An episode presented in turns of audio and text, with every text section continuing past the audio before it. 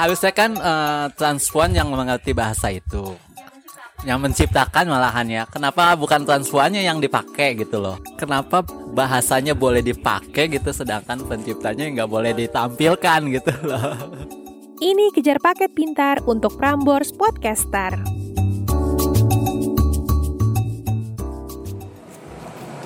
Gue sama Lela lagi di uh, stasiun Duri. Ini Kampung Duri, Kecamatan Tambora, Jakarta Barat. Suasananya padat, keos dengan pemukiman kumuh yang memadati tepi kali penuh sampah. Tambora adalah kawasan terpadat di Asia Tenggara. Mungkin lo tahu itu. Tapi lo tahu nggak, kawasan ini juga dikenal sebagai Kampung Bencong.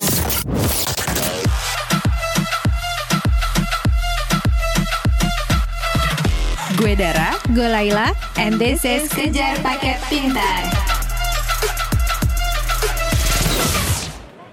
Kampung Duri punya julukan Kampung Bencong karena di sini ada pemukiman yang warganya mayoritas transpuan alias waria.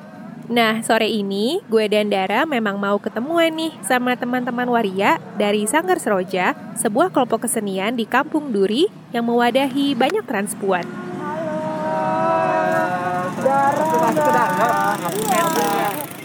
Kami janjian ketemuan sama Kak Wanti, Kak Meta, dan Kak Indri untuk sama-sama ke rumah Mama Ata, anggota senior Sanggar Seroja. Ini darah sudah. Bu Panda.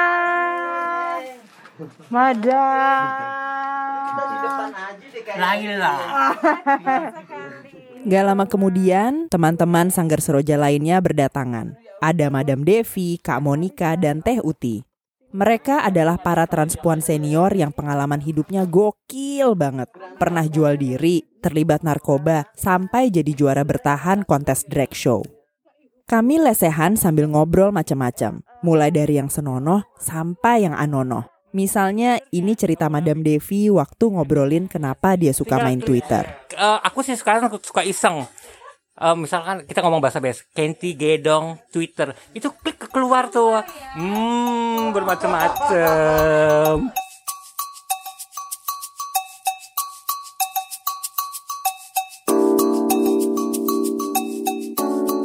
Lo tahu nggak arti Kenti Gedong?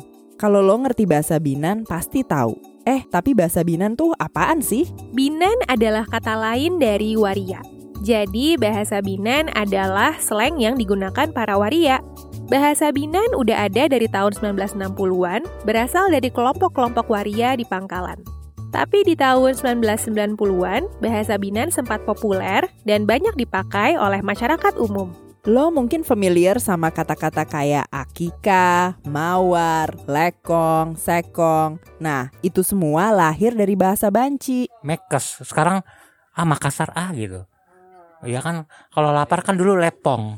Sekarang kan uh, lapangan terbang. Uh, Laprana Sutra terkadang. Iya. Bahasa Binan tercipta karena dulu para waria perlu saling berkomunikasi dengan rahasia. Kenapa tuh? Karena kebanyakan waria di Indonesia adalah masyarakat terpinggirkan. Mereka sering dibully dan gak dipenuhi tuh hak hidupnya. Mau bikin KTP aja susah. Jadi dulu mereka menciptakan bahasa Binan untuk menjaga keamanan diri. Misalnya nih, ada waria lagi mangkal. Dia ngelayanin seorang tamu. Ternyata tamu itu kasar. Waria ini harus memperingatkan teman waria lainnya dong. Nah, dia ngasih taunya pakai bahasa Binan, supaya nggak ketahuan oleh tamu tadi. Atau misalnya, kalau ada razia. Ada tam-tam kuno katanya gitu. Artinya ada tamu tuh katanya. Uh, rejiong, rejiong gitu mah kalau itu.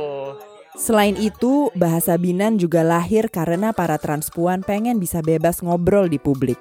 Bayangin, kalau ada seorang waria kedengeran lagi ngerumpiin cowok ganteng di bis misalnya. Karena stigma buruk terhadap waria di Indonesia, bisa-bisa orang salah sangka. Terus si waria digebukin. Padahal dia nggak punya niat buruk. Sih supaya orang yang rahasia nggak ada yang tahu jadi tahu gitu. Ngomong kitanya rahasia, dia nggak tahu saling jaga rahasia aja itu mah.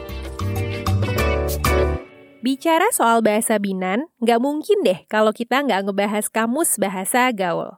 Jadi, Kamus Bahasa Gaul ini adalah buku berisi kumpulan kata-kata bahasa Binan yang terbit di tahun 1999. Isi kamus gaul ini adalah penjelasan kosakata Binan yang populer pada masa itu, kayak akika, mawar, ember, dan sebagainya. Tapi dikemasnya dengan judul kamus gaul ya, karena kalau judulnya kamus banci gitu misalnya, pasti jadi kontroversi ya. Tapi judul kamus gaul nggak salah juga sih, karena di awal tahun 2000-an, bahasa Binan memang populer di pergaulan masyarakat. Siapa sih penulis kamus gaul? Dia adalah Debbie Sahertian.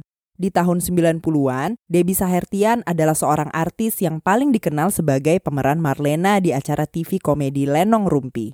Dulu, Tante Debbie banyak berteman dengan kelompok waria termasuk drag queen terkenal Tata Dado. Pada suatu hari di tahun 1997, Tante Debbie dan Tata Dado syuting di Medan. Terus mereka merhatiin obrolan para waria di sana. Kok bahasanya seru banget ya?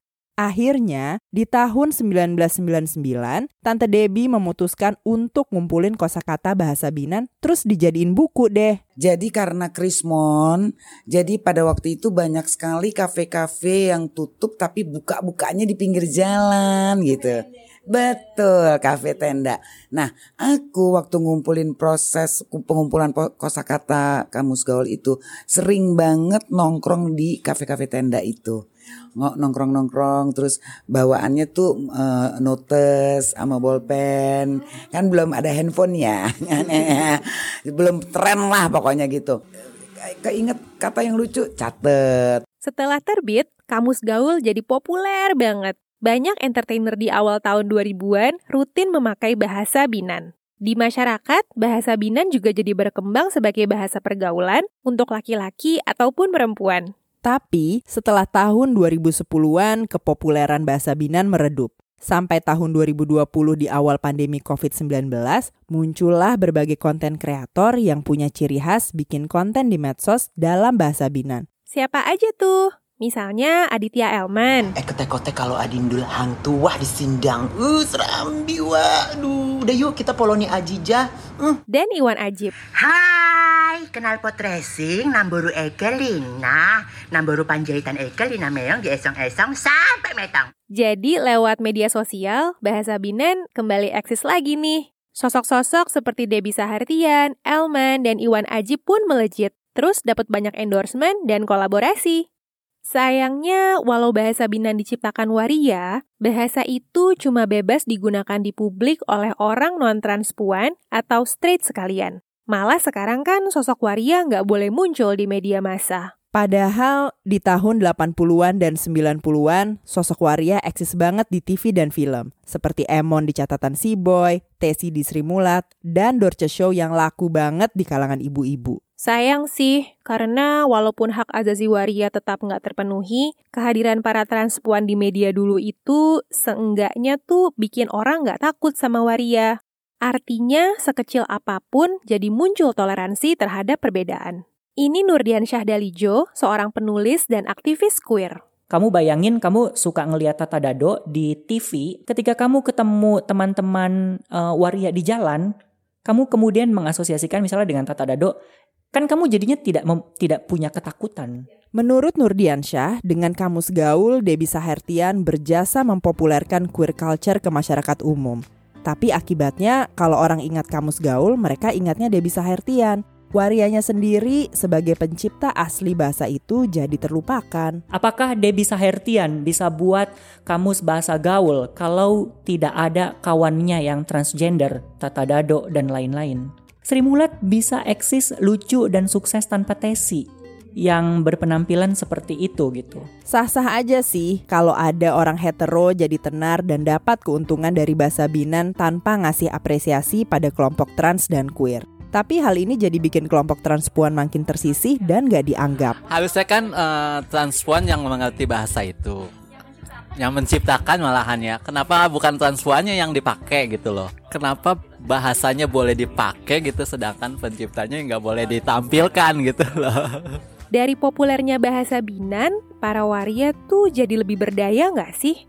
Homofobia juga jadi terkikis nggak? Sayangnya enggak.